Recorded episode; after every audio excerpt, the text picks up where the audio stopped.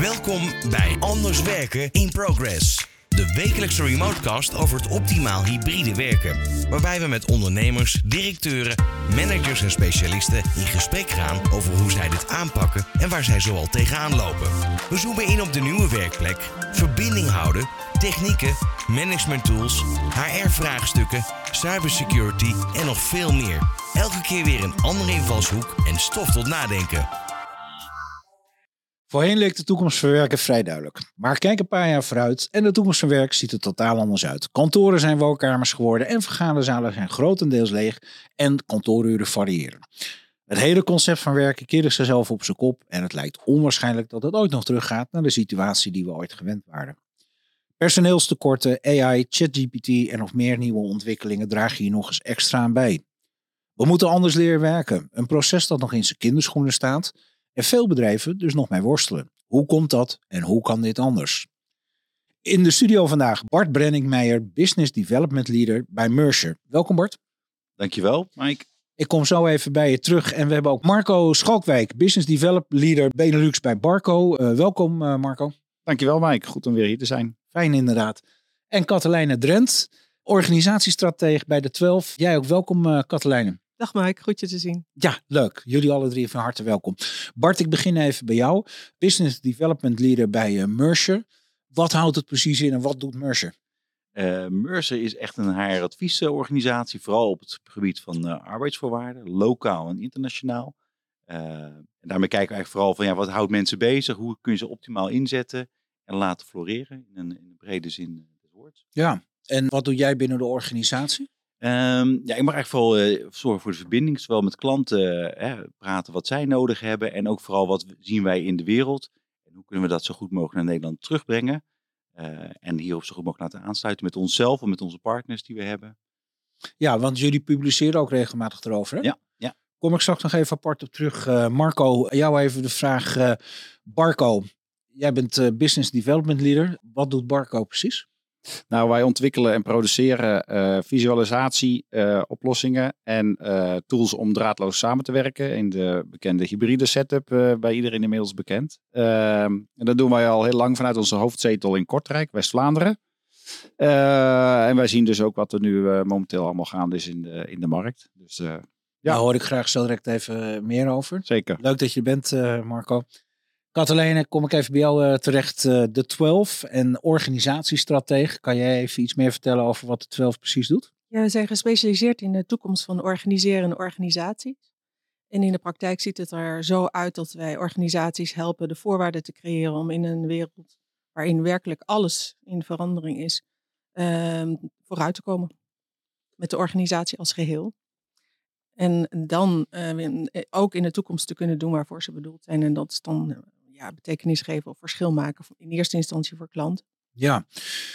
Ja, de, de, super interessant, want jullie uh, zien natuurlijk ook wat er allemaal in de markt gebeurt of niet gebeurt. Hè, waar we nu staan. We hebben het summit voor de zomer gehad.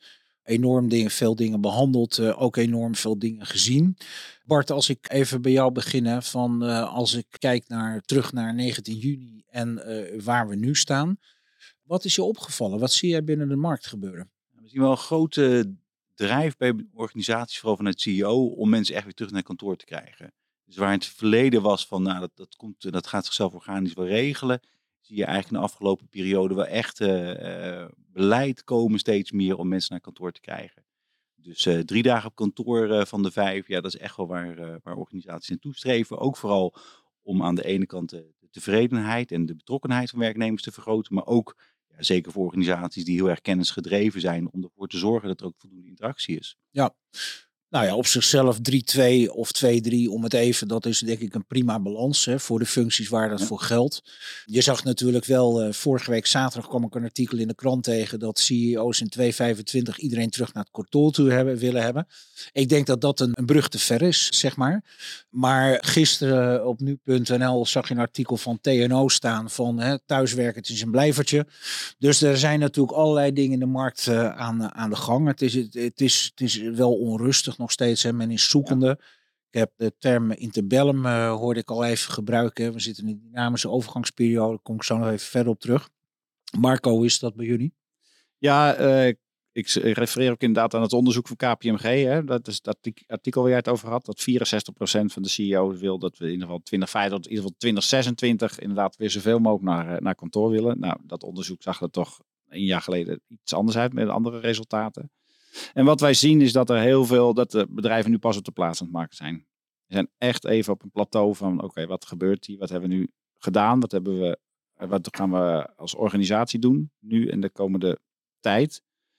Dus er is even een uh, moment van evaluatie, reflectie binnen bedrijven.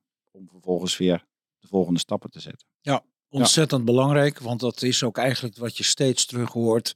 En niet nieuw is, want dat hoorden we tijdens het summit ook al. Hè. Jongens, eerst inventariseren, maak even die pas op de plaats. Ga die werkvloer op. Hè. Waar is behoefte aan? Hoe gaat het? Loopt het goed? Wat moeten we doen? Noem allemaal maar op.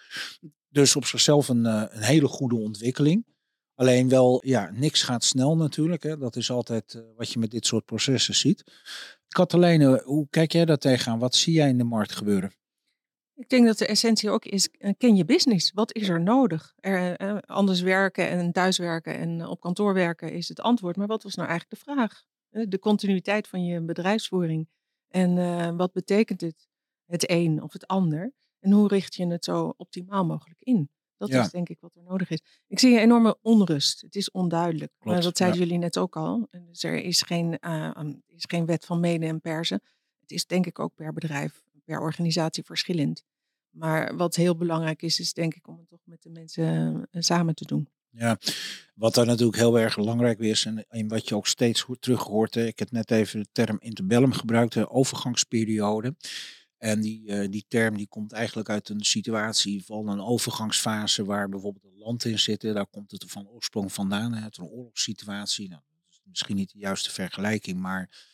Um, er we zitten een en al in oorlog, dus uh, in die zin. Uh... Ja, ja, het is ook, nog, het is ook nog onrustig in de wereld. Hè? Dus wat dat betreft is dat nog een extra factor. Wat je wel merkt, ik had in de uitzending, of de opnames van de uitzending hiervoor, een aantal specialisten op het gebied van cybersecurity aan tafel zitten.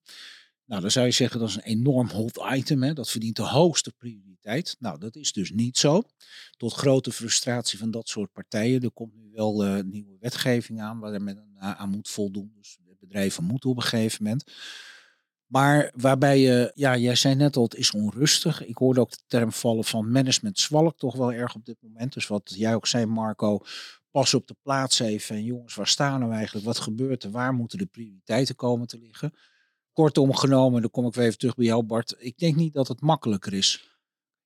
Ja, nee, het is uh, erg lastig. Hè, we gebruiken zelf binnen MMC, hè, de moeder van Mercer, uh, het woord polycrisis om aan te geven, ja, het is een crisis op een crisis op een crisis. Die vraagt ook heel veel van, van organisaties. Hoe ga ik iedere keer reageren? En iedere crisis is ook voor iedereen anders. Hè. Dat hebben we ook heel duidelijk tijdens corona gezien. Hè. voor iemand die alleenstaand is of jonge kinderen heeft die niet naar school gaan, ja, is de uitwerking van zoiets totaal anders. Dus daarom ja, is het voor organisaties echt wel uitdagend om te kijken, ja, hoe gaan we daar nu mee om? En aan de ene kant betekent dat een heel mooi evaluatiemoment is van hoe gaan we nou inderdaad de zaken oppakken. Ja, voordat je de volgende zaken ingaat, maar wel in een fase waarin je eigenlijk nog wel last hebt van ja, hoe gaat die volgende fase eruit zien en wat betekent dat? Uh?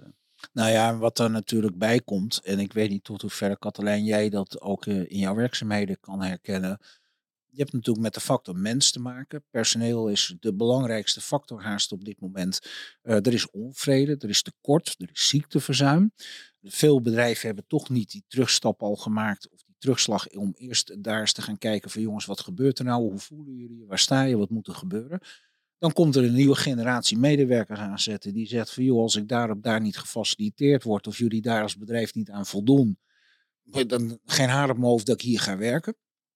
Het, het, wordt steeds, het is net iets wat je opstapelt, wat steeds zwaarder wordt. Ja, tot het misschien een keer door zijn knieën heen zakt. Dat, dat is wel iets, hoe, hoe ga je daarmee om? Katelijne, hoe zou jij een management erin adviseren? Nou, je, je factor is dan ook nog dat organisaties heel onlogisch zijn ingericht. Ze zijn helemaal niet fit for the future, om het zo maar te zeggen. Doe je dan enkel alleen op silo's? Of, ja, ja? op silo's. Eh, verbinding is eh, onduidelijk. Dus je bent helemaal niet klaar voor de strijd om uh, werkelijk verandering vernieuwing aan te gaan. En daar zit volgens mij de grootste hamvraag. We hebben het eerder gehad over governance de, de, uitgewe- de aangewezen partij om daarmee bezig te zijn, is natuurlijk de board, want daar moet de samenhang vandaan komen. Dus daar begint het allemaal en daar zit het grootste gat. Als je het over de board hebt, hè, uh, kijk ik ook even naar jouw bord. Daar zitten soms mensen die daar al heel lang zitten. Daar zitten ook vaak uh, wat oudere mensen, om het maar zo te zeggen, die veel dingen ook niet hebben meegekregen.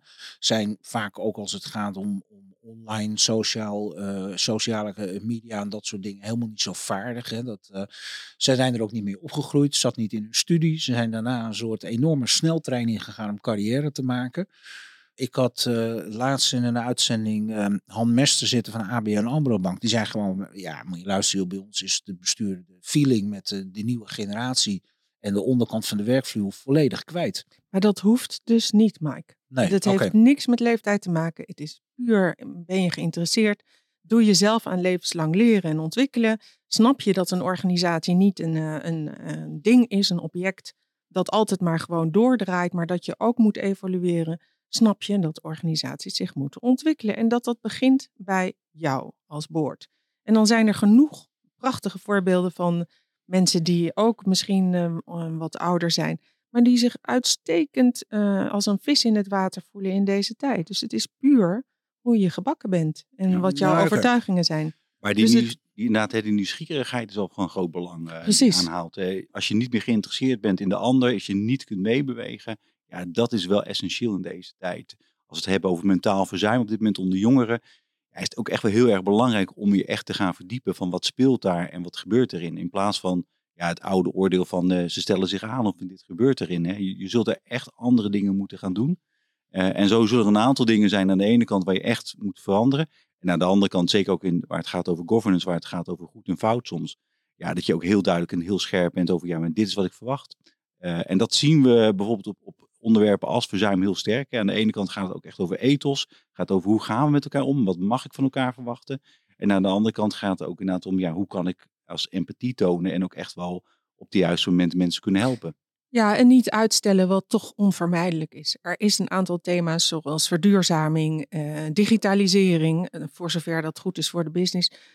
Ja, zorg dat je voor op die golf zit en niet eh, ehm, pas gaat springen als het eh, echt niet meer anders kan. Want dan, dan breng je je business Ja. gewoon ten einde. Dus, eh, eh, er- en ik denk dat je daar de jongere generaties ook enorm mee motiveert. Want als ze zien dat ze daaraan kunnen bijdragen, Ja. dan helpt dat. Iedereen is op zoek naar zingeving. Dus eh, dat is de eerste, denk ik, de eerste opgave voor boord.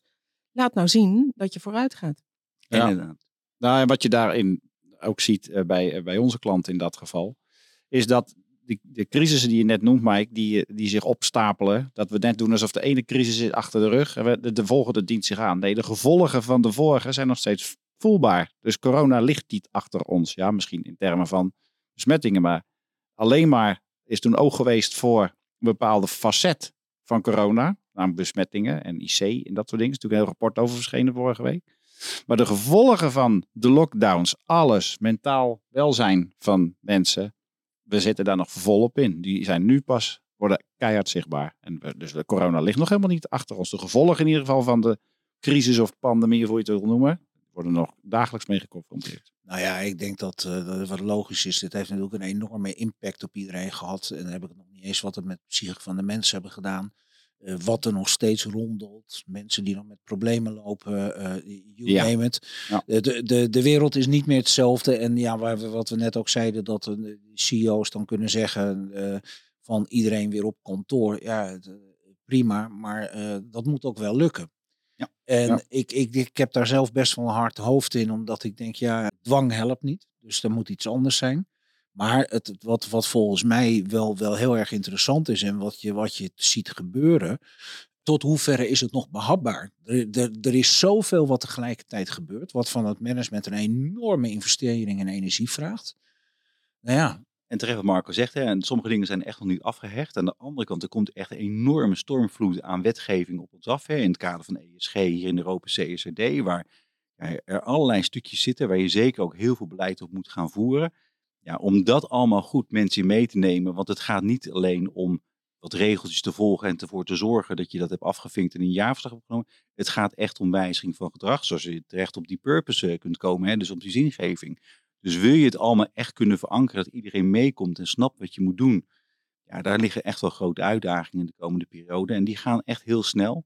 En daarom is het belangrijk om elkaar eh, eh, niet kwijt te raken in die weg. En, en zie ik ook echt wel belang in om elkaar te zien op kantoor en elkaar af en toe even weer te zien als persoon en even bij te praten en even weer te zien van oké, dit is de uitdaging. Even bijkomen.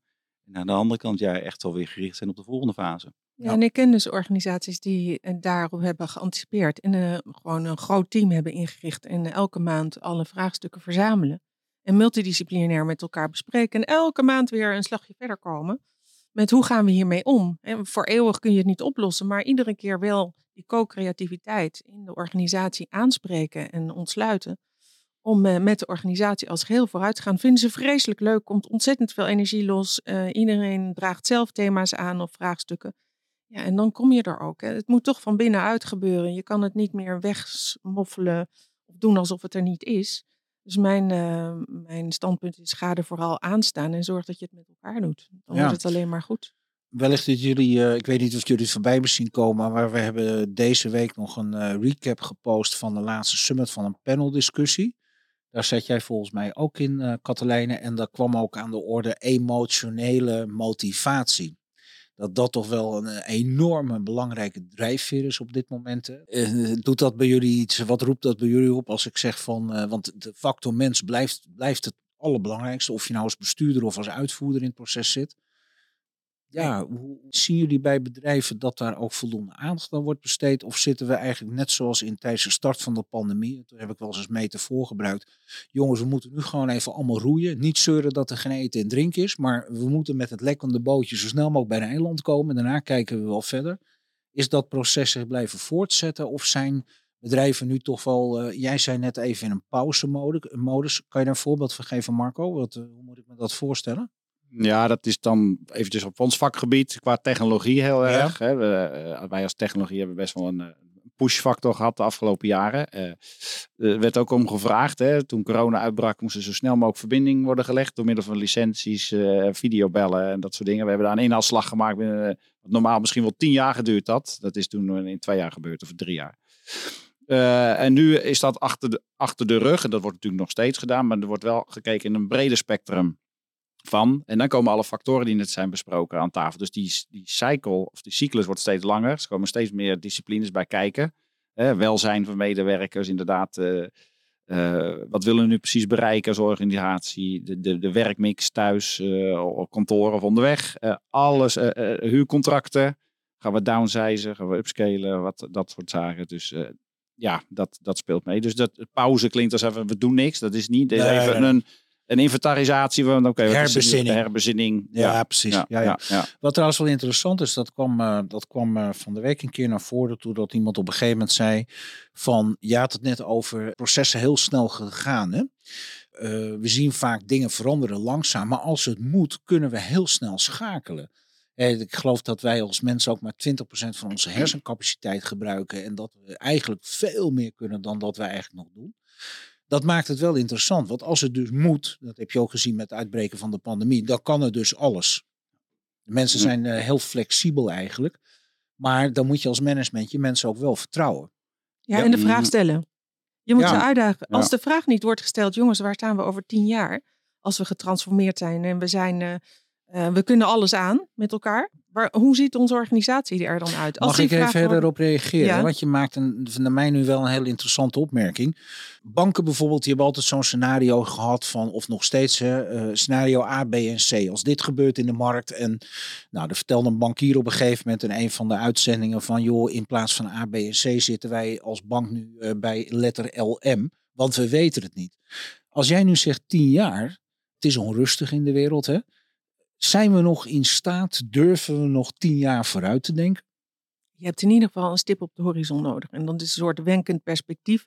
Dat is niet eh, een visie in beton gegoten, want dat kan inderdaad niet. Nou Over een week is het alweer anders. Maar de kern van je business en het, en het verschil dat je wilt maken, die blijft hetzelfde. Ook al eh, evolueert je product en word je een dienstverlener, dan nog is die kern is er in essentie. De vraag is, hoe ga je dat nou zo doen dat je inderdaad ook uh, voort, voort kunt bestaan. Ja. En, uh, maar zijn, zijn bedrijven, ik zie jou uh, Bart? Ja, want dit is vooral ook wel een interessant moment. Hè? Eh, terecht, Katlijn. We gaan echt wel eh, dezelfde weg door. Hè? Er zit natuurlijk wat afslagen in, er zitten accentverschillen in. Maar de grote lijn blijft echt wel vooruit gaan. Het is niet zo dat we morgen geen brood meer eten. Maar de komst bijvoorbeeld van dingen als eh, hè, artificial intelligence, AI, gaat echt wel ervoor zorgen dat het belangrijk is dat je niet alleen maar het opnieuw bedenkt hè, van wat we doen, maar echt opnieuw het concept eh, gaat nadenken. Dus echt opnieuw in plaats van rethink, reimagine eh, gaat doen. En het gebruikt voor je business. Want eh, AI is, is, gaat eigenlijk, als je het goed gebruikt, over optimalisatie van je bestaande werk. Zodat je meer ruimte krijgt voor dat co-creatieve waar jij het net over had, Mark. En dat je je business blijft innoveren. Het is net als Lean. Lean was bedoeld om je processen zo efficiënt en eh, effectief in te richten. Dat je ruimte hebt voor vernieuwing. Ja, die tweede kant, daarvoor moeten we dus gewoon eh, echt ruimte maken en ook bewustzijn. Die, Ja. komt er, die wordt helemaal eh, eigenlijk over het hoofd gezien. En die is vreselijk inspirerend en leuk. En daar denk ik ook dat je de nieuwe generaties mee motiveert. En het interessante daarin ook is eh, om eh, te zien hè, wat, wat je eigenlijk nu eh, doet bij de invoering van AI. Is dat als mensen, als scholieren het bijvoorbeeld gebruiken, dat je het gelijk gaat straffen. Hè, van, joh, je hebt het gebruikt, is niet de bedoeling. Terwijl eigenlijk wil je juist heel erg dat mensen gaan leren. En die eerste stappen inderdaad zullen zijn om heel snel je huiswerk af te krijgen. Maar later zul je echt steeds meer AI gaan gebruiken om dingen slimmer, mooier en op een hoger Ja. niveau te brengen. Dus het gaat niet alleen om plagiaten, waar iedereen heel erg bang voor is in de scholen nu. En waar de eerste Mhm. Nieuwsuitzendingen over gaan. Het gaat echt over hoe ga je het gebruiken. En eh, hè, dat zie je ook in de, in de mooie product van Marco. Als je dat dingen goed weet te gebruiken, ja, dan heb je er pas echt voordeel van. En dan wordt het niet vervanging, maar dan wordt het echt iets nieuws. Iets moois. Ja, en dan Marco, Ja. eh, kijk ik even naar jou. Hè, want dat is dan wel leuk dat nu in één keer eh, AI of AI, hoe we het ook willen noemen. ChatGPT hebben we ook nog. de- dat komt er nog een keer extra bij. Ja. Dus het, het, er komt nog meer gewicht op het schaaltje te liggen. Hoe zie jij dat voor je? Welke rol eh, zou op korte termijn AI hierin kunnen gaan spelen? Heb jij er een idee over? Nou, wat ik hoop dat de rol van AI gaat worden, is dat hij ons inderdaad gaat helpen in het dagelijkse. eh, Ja? Dus niet weer een nieuwe ontwikkeling, dat het ook zo gezien wordt. Want we hebben al zoveel dingen op ons bordje, op ons bordje gekregen. En, en dan zeg jij, Mike, van ja, we moeten kijken, als er iets moet, dan kunnen we het. En de, de mensen staan heel flexibel. En eh, kijk, dan lukt het toch maar weer wel. Ik denk dat we daar nu echt de gevolgen van zien. Dus we gaan nu weer alles opschalen, ESG, allerlei andere wetvoering, waar ik maar grote vraagtekens over privacybewaking bij stel, maar dat is persoonlijk. Ja. Ik denk dat je in het bedrijfsleven er ook echt voor moet waken. eh, ook met de komst van eh, straks met Microsoft-achtige ontwikkelingen. Dan hoef ik mijzelf al niet meer kenbaar te maken. Het systeem doet dat al. Hè. Dus alles wat ik zeg en doe in welke context kan zo uit een vergadering of iets gehaald worden. Dat kan een voordeel zijn, maar kan ook tegen je gaan werken. En dan gaat het een bedreiging worden. En dan hebben we weer te maken met een nieuwe ontwikkeling die ons ook gaat, die dreigend kan overkomen. en want we hebben al heel veel. goeie, want eh, daar wil Ja. ik even één stapje terug maken. Want je roept een paar dingen of zegt een paar dingen. Ja. Eh, waarbij ik even voor de luisteraar het ook even begrijpelijk veel wil houden. Van, hè, als, we als we even teruggaan naar waar we toen net in het gesprek zaten, met de, waar we het over hadden, leidinggevende management, eh, de werkvloer inventariseren, moment van herbezinning. We hebben het nu in één keer over AI, of niet in één keer, maar het past er natuurlijk prima in. Als ik jullie de vraag stel, welke rol zou eh, AI hierin kunnen of speelt dat al op dit moment? Kunnen jullie daar, eh, om het ook voor de luisteraar even begrijpelijk te houden, waar, waar moet je het ergens plaatsen? Wat zou het kunnen? Wat doet het en wat kan het?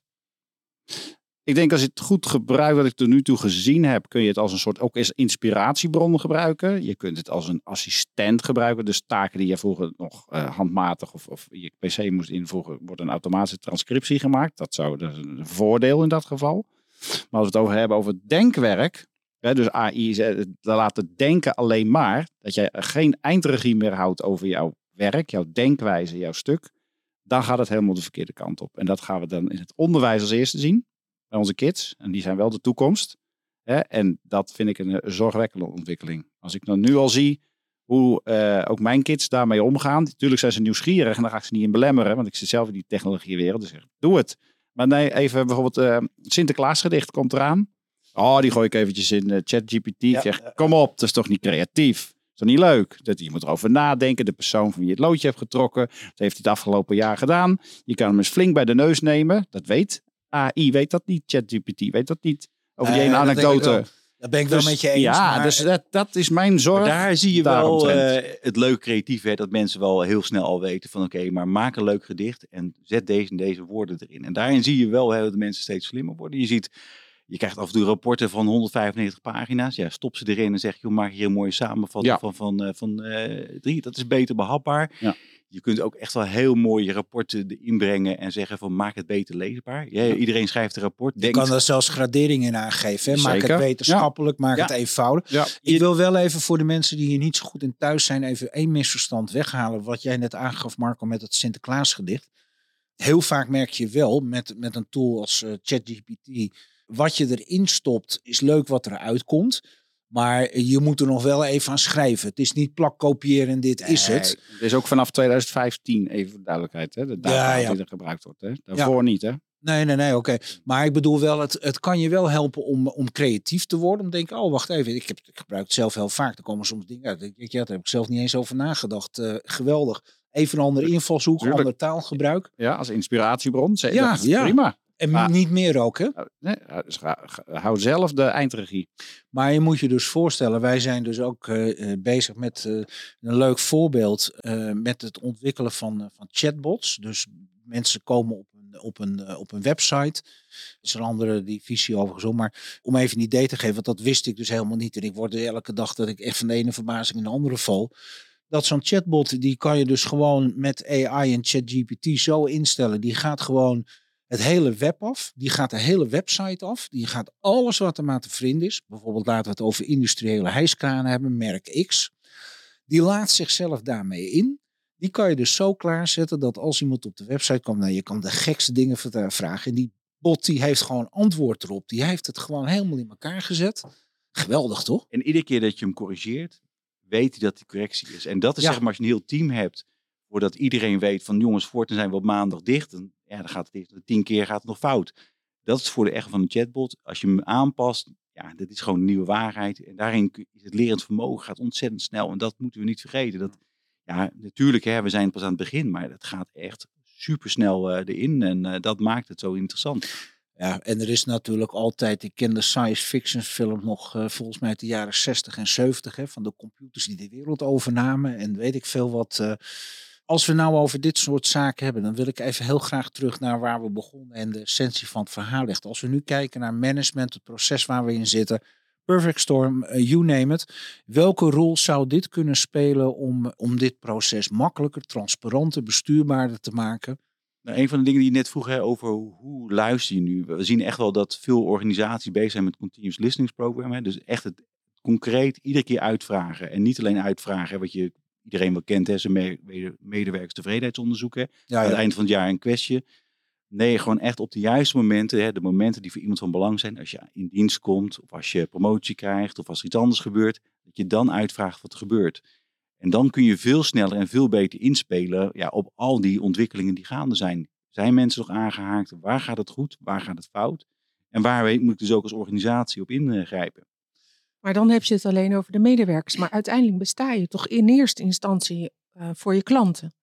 Eh, Je bent, je bent er om een product of dienst te creëren dat van waarde is voor je klanten. En die zou je in eerste instantie ook eens kunnen eh, informeren over wat zij dan belangrijk vinden. En of het product of de dienst nog voldoet aan hun behoeften. eh, Of het nog van waarde is in hun leven. Dus dat is één. Ehm, en ik denk dat medewerkers zijn natuurlijk ontzettend belangrijk. Want dat is een van de stakeholdergroepen. Maar er zijn natuurlijk veel meer stakeholdergroepen. Zeker. Dus eh, multi-stakeholder management zou je daar inderdaad mee kunnen vergemakkelijken. Ben ik met je eens. Alleen is het natuurlijk wel zo dat er natuurlijk nu ook de vraag reist van tot hoeverre kan AI bijvoorbeeld personeel vervangen? Want als ik bedrijf X heb, eh, er zit een groot postorderbedrijf ik, in Zwolle ergens, waar eh, eh, een callcenter met 50 mensen dagelijks aan de telefoon zit. Als, eh, eh, als zo'n bot dat kan vervangen, dan eh, hebben 50 mensen geen werk meer. Ja, de vraag dat is of wel je een dat zorg die wilt. leeft. Ja, Ja, of je de dat vraag wilt, is of ja. dat wilt. Ja. Ja. Maar ja, als er nou op een gegeven moment, ik weet niet of jullie het voorbij hebben zien komen, hè, maar dat je, je moet tegenwoordig als je op social media kijkt naar filmpjes, moet je heel goed oppassen. Is dit echt of is dit gewoon, hè, dat nu de, de, de acteurs in Hollywood zijn al in staking gegaan. Die kunnen gewoon nagemaakt worden. Die kan je alles laten doen wat je wil. de- dus de, ik, laat ik het anders omdraaien, want ik wil het niet negatief benaderen, maar ik probeer wel heel erg in beeld te brengen van in dat hele proces, die perfect storm die we net besproken. Ik geloof er wel heilig in, eh, ook al komt dit er weer bij, dat hier ook voor ons een oplossing zou kunnen liggen om het proces wat nu zo complex is en zoveel facetten behelst, om daarin te ondersteunen. Zeker, maar ik denk dat, we, dat het ons niet ontslaat van zelf die regie pakken. Uiteraard. Waar jullie het ook over hebben.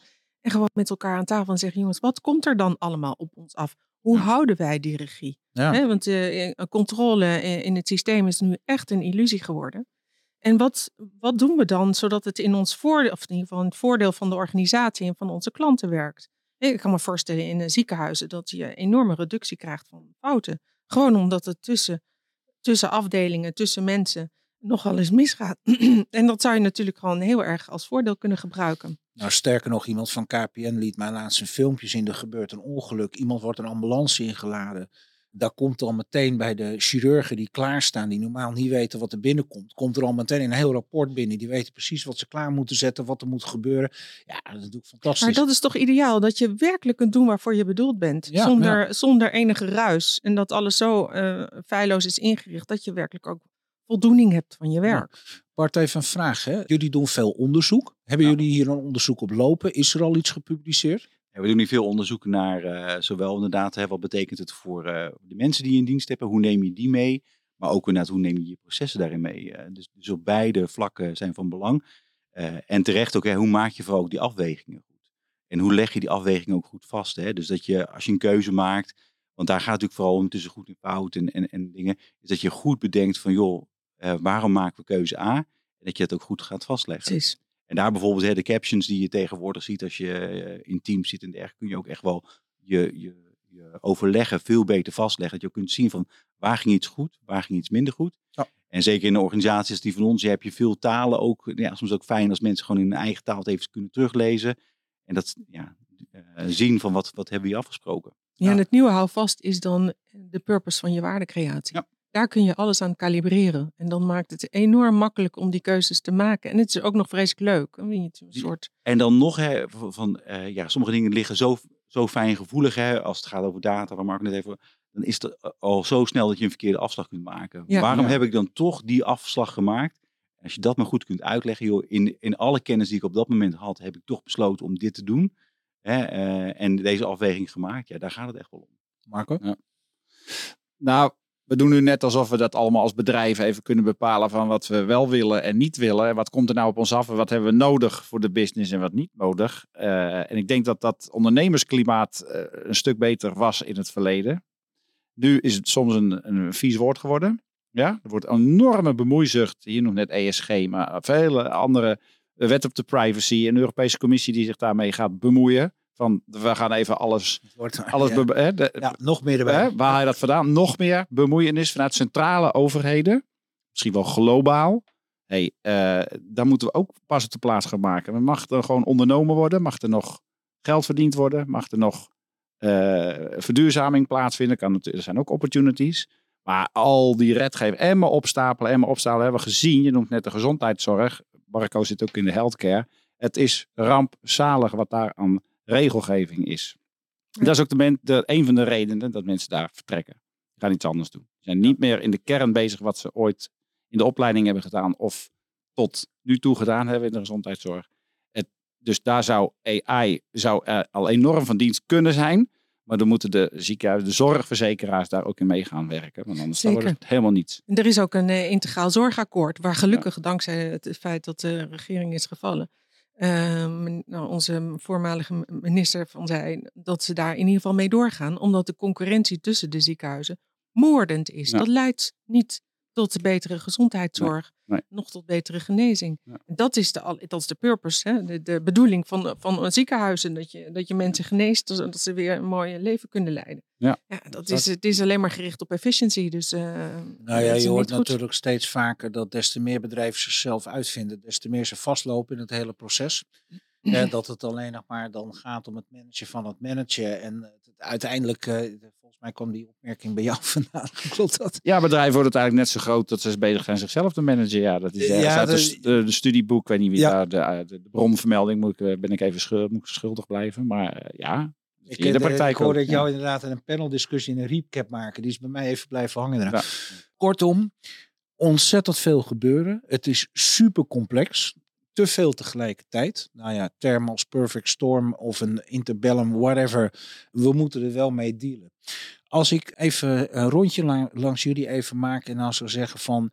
Als je nou luisteraar die hiernaar zit te luisteren een takeaway mee zou mogen geven. Uh, Catalina, wat zou jij mee willen geven? Ander- Anders werken impliceert ook anders lijden. En dat is eh, zeer aantrekkelijk als je het met elkaar gaat doen. Ja. Bart? Ja, dat eigenlijk vooral eh, al die uitdagingen waar we het over hadden. Ja, dat geeft ook wel heel veel ruimte voor ondernemen. Hè. Dus hoe ga ik met al die veranderingen om? Ja, dat zal echt wel, eh, zoals Darwin zei, hè, de most adaptive, eh, ja, die will survive. Dat is dat andere, lij- andere ook. ja. Marco, wil jij er iets op aanvullen? Ja, zeker eens met de voorgaande sprekers. Ehm, en wat ik ook zou zeggen van eh, geniet, geniet er ook van. En, en distilleer voor jezelf waar, waar je in mee wilt, waar je prettig bij voelt. En laat je niet opdringen, wel als persoon, als bedrijf, van wat moet en wat het narratief dan moet zijn. Kijk naar jezelf, je eigen persoonlijke situatie. Je bent in dienst van een bedrijf, maar bedrijven moeten ook kijken van wat is van ons van toepassing en ook in wat voor tempo. We kunnen niet even volgende week allemaal volledig AI support. eh, dat, gaat niet. Dus je Nee. moet zeggen, in wa- wanneer, welke timing ga ik dat doen? En eh, is het voor ons relevant? Kijk maar hoe eh, internet werd natuurlijk ook de, early adopters. Dan gaan we weer die dat daar kansen zagen. Eh, en zagen daar grote bedrijven die dat langzaam in de bedrijfsgroei gingen toepassen. Dat is nu ook aan de, aan de gang, denk ik. Ja, ja. ja, ik kan me van het internet inderdaad nog herinneren dat wij waren er best wel snel bij en al ver. Dat ik dan soms mensen de telefoon had die zeiden van ja, maar we hebben een vak staan joh. We hebben heel geen internet nodig. Ja, Oké, weet je wel, eh, dat- prima. Dat is dan zijn niet de early adopters, maar het komt wel een keer. Eh, Ontzettend interessant allemaal. We gaan hier vaker en verder op terugkomen. Ook om hierover verder de diepte in te gaan. En nou ja, goed, we hebben ook wat het summit aangaat. komt zo direct in het voorjaar komt de week van het anders werken eraan. Daar kunnen we hier ook weer heel mooi op in gaan zoomen. Kijken waar we dan met elkaar staan. Ik wil je in ieder geval heel hartelijk bedanken voor jullie komst naar de studio toe. En nou, we horen graag nader. Dank jullie wel. Bedankt. Dankjewel. Dankjewel. Dank jullie ook wel. Dank je. Leuk dat je weer hebt geluisterd. En volgende week zijn we weer met een nieuwe Remotecast. Deze aflevering wordt mede mogelijk gemaakt door de Anders Werken Summit en haar partners. Heb je een aflevering gemist? Of wil je zelf deelnemen aan onze live events en netwerken? Kijk dan voor meer informatie anderswerkensummit.nl